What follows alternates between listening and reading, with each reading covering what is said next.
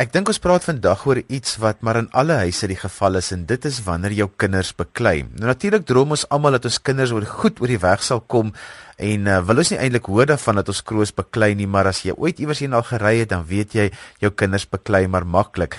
Nou wanneer ruk dit hand uit en wanneer moet jy inmeng? En ons wil vandag praktiese raad gee oor wanneer om in te meng en wanneer om nie deel te word van so 'n risie nie. Nou ek gedink 'n spelterapeut is die ideale persoon om vir ons bietjie wenke te gee oor wanneer kinders beklei.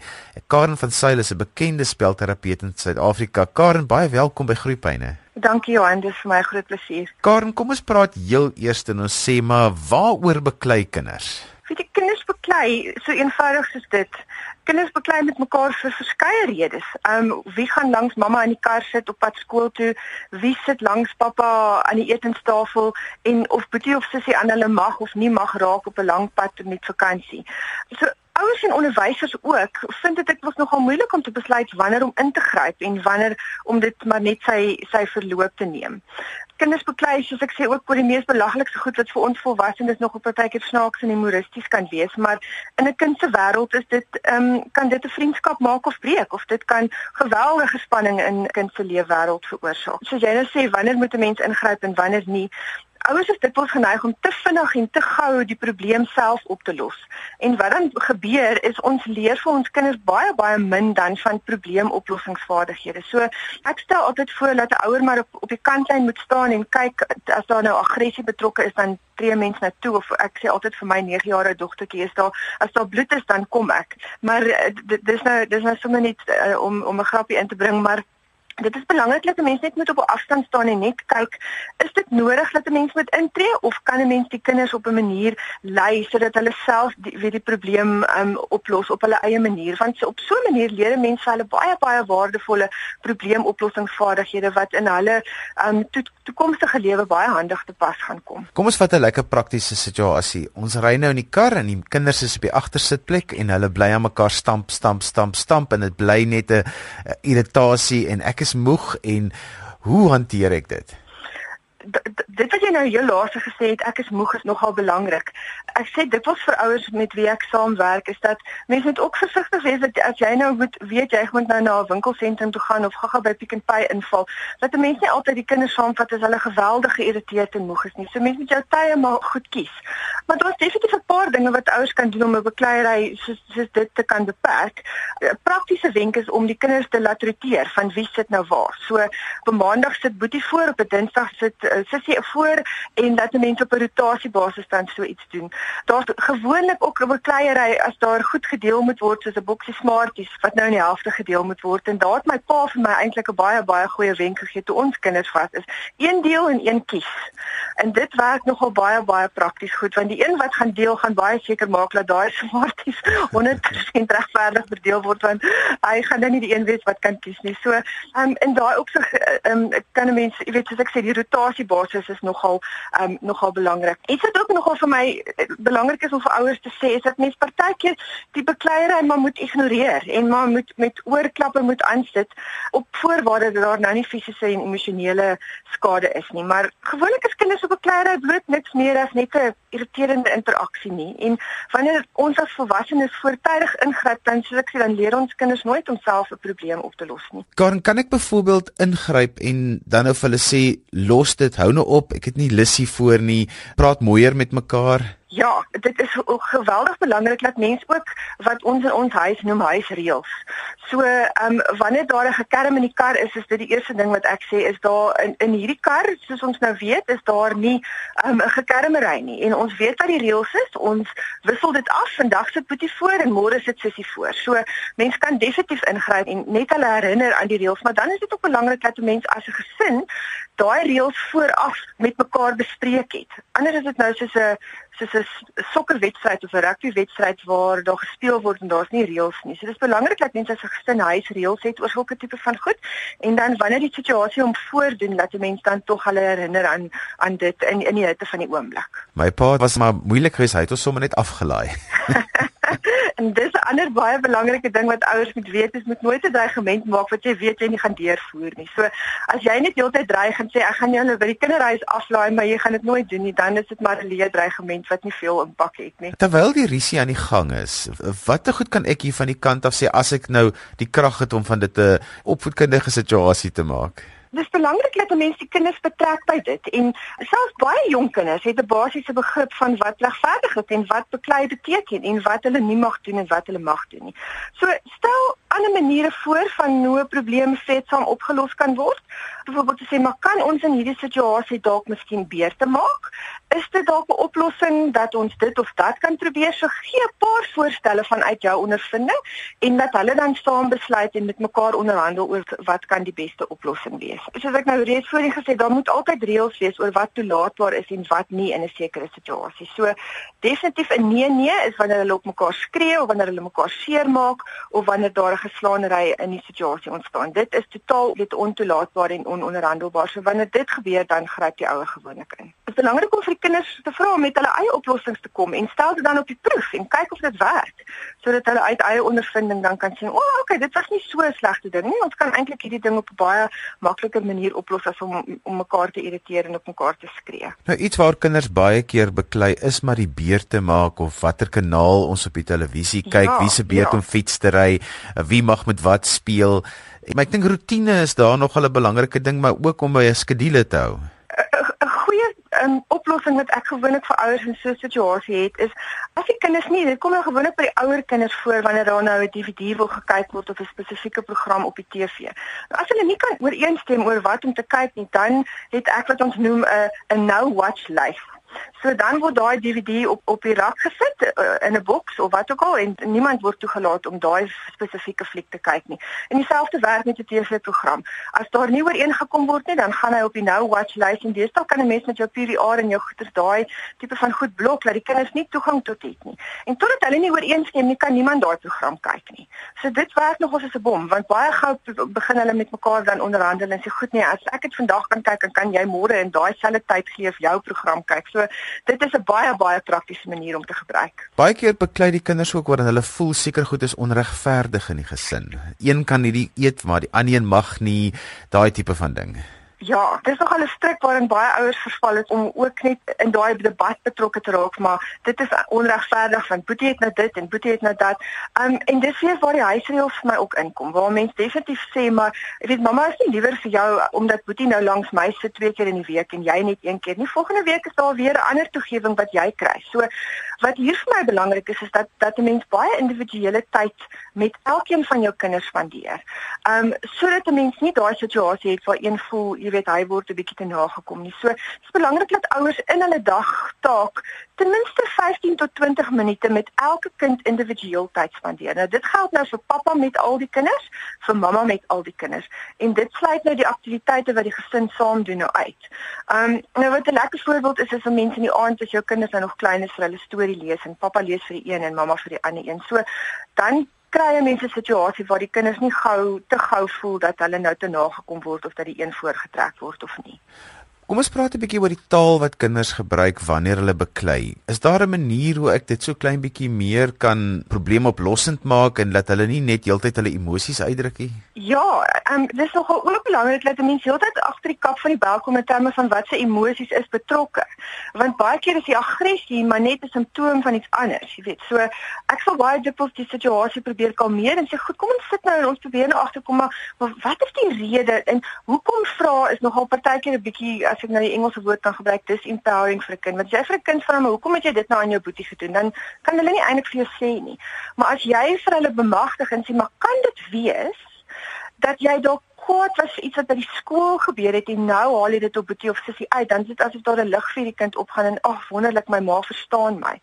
So as 'n mens net so 'n bietjie leiding gee in terme van die woordeskat en ook net hulle bemagtiging gee deur te sê maar is dit moontlik dat dit die situasie kan wees. Um anders is mens heeltyd hoekom vra vra van hoekom het jy dit nou gedoen en hoekom sal jy nou jou boetie wil seermaak dan on, weet jy jy neem die kind se mag weg en hy het dan op daai oomblik nie eintlik vir jou antwoord nie en dan kom mense nie nader aan 'n oplossing nie. En dan gaan mos nou misverstande wees. Hulle gaan beklei. Jy weet mense moet uh, soos ek sê 'n basiese begrip hê van ehm um, kinders het 'n basiese begrip van wat regverdig is en wat beklei beteken. So stel ander maniere voor van hoe 'n probleem vreedsaam opgelos kan word. Ehm um, en vra kinders om met oplossings te kom. Dit is dit, soos ek reeds ook vandag gesê het, gee positiewe terugvoer wanneer die kinders wel vreedsaam oor die weg kom. Soos wanneer dit nou 'n lang vakansie is en jy sien maar jy's die kinders speel vandag so fantasties saam. Gee vir hulle positiewe terugvoer en sê jy mamma is verskriklik trots op julle. Kom ons vanmiddag gaan ons definitief 'n plan maak en ons ry en ons gaan 'n roomys koop of iets soos dit. Maar as 'n mens heeltyd net negatiewe terugvoer gee en sê ek so moeg vir julle wat beklei, ek wens hierdie skoolvakansie wil nou einde kry, dan begin dit op 'n manier wees van dis maar al mamma nee, ek maar net heeltyd en dit is maar al die kommunikasie wat ons het. So, ehm um, ignoreer die bekleierery so ver as moontlik, maar gee so so ver as moontlik ook baie positiewe terugvoer vir positiewe interaksie wat die kinders met mekaar het. Karen, hoe belangrik is 'n positiewe rolmodel wees binne konfliksituasies vir kinders? Johan, dit is geweldig belangrik. Mens kan nie van ons kinders verwag om vreedsaam en vredesaam te leef as maandpa heeltyd op mekaar skree nie. Selfs al Al kom jy by die huis en jy het 'n moeilike dag gehad en jy gaan af oor hoe onregverdig jou baas is of wat ook al, is dit regtig nie die manier um, om jou kinders van van weet positiewe interaksie te leer nie. So mense moet maar kalm bly. Kinders hou ouers se gedrag dop bly kalm onder jou eie druk en wanneer jy kwaad is of met iemand verskil. En wat ek baie dikwels hier doen is om vir die ouers te leer om rollespelle met kinders te hê in sekere situasies. As jy nou wel gebeur het dat jy nou afgegaan het oor jou baas wat so verskriklik onregverdig is, dan moet 'n mens ook die vermoedigheid hê om na jou kinders te gaan sê, weet jy wat, mamma het eintlik daai situasie nie reg gehanteer nie. So dit is eintlik nie die regte manier nie, maar kom ons kyk nou hoe hoe ek dit eintlik moes gehanteer het en dan in 'n rollespel situasie met hulle in te gaan. Ek hou daarvan om vir kinders te leer om vyf stappies vooruit te dink. So as 'n mens nou 'n konfliksituasie het, dan kan 'n mens altyd sê, "Goed, kom ons probeer nou ons wil nou nie hê dit moet nou weer gebeur nie." So in die vervolg, kom ons kyk of ons dit nie op hierdie manier kon hanteer en dan oefen mense dit in in 'n rollespel en dit kan nogal 'n lekker speletjie ook raak. So dit hoef nou nie 'n ernstige ding te wees nie. Praat oor die kinders se gevoelens, die rede hoekom hulle kwaad geword het, ek het al reeds daarin aandag gegee en dan elimineer geleenthede vir beklei. So probeer om hierdie kinders saam te vat na die winkelsentrum toe as dit nou laatmiddag is en hulle is honger en geïrriteerd en moeg nie. En praktiese goed soos as die kleuters nou beklei oor wie kry nou die pink 'n waterbotteltjie en wie kry die bloue dan koop mens twee bloues en jy elimineer die pink en die en die groen een. So dat daar nie 'n konfliksituasie in daai situasie dan ontstaan nie. En dan nou in gedagte wanneer kinders moeg is en honger is, dan is die shopping center aisle waar al die lekker goeders in die en die skyfies en die soetgoed is iets wat mense baie dikwels moet vermy want suiker is nie 'n goeie brandstof om 'n konfliksituasie af te weer nie. Die winkels is so slim nee, hulle vat jou mos ook oh, nogal deur. Deur hy lekker goed land. ja. Ehm um, en ach, iets wat wat ek nogal deesdae opmerk en met die met die gesinne waarmee ek te doen kry Johannes dat die ouers baie dikwels probeer om die kinders se vriend te wees. Jy weet nou, mens wil met jou kinders 'n lekker verhouding hê, maar mens moet onthou dat jy die ouer bly en dat jy die gesagspersoon in die huis is. Ehm um, en weet dit ouers dit kom maar in by ouers wat baie skuldig voel want hulle werk lang ure uh, omdat hulle moet want die lewe is duur en mens moet vir jou kind um, voorsiening maak maar ouers tree dit pas op, op aan as gevolg van 'n skuldgevoel wat hulle het en dan sien hulle baie maklik goed oor wat eintlik moet aangespreek word. En dan raak die dissipline 'n groot ding. So mense moet baie seker maak dat jy altyd onthou dat jy bly die ouer en dat jy ultimately verantwoordelik is vir die kinders se dissipline en so. So iets wat wat nogal baie goed werk in my praktyk is en ek deel dit sommer vir die ouers uit omdat dit so prakties is is ons het wat ons noem 'n get along shirt.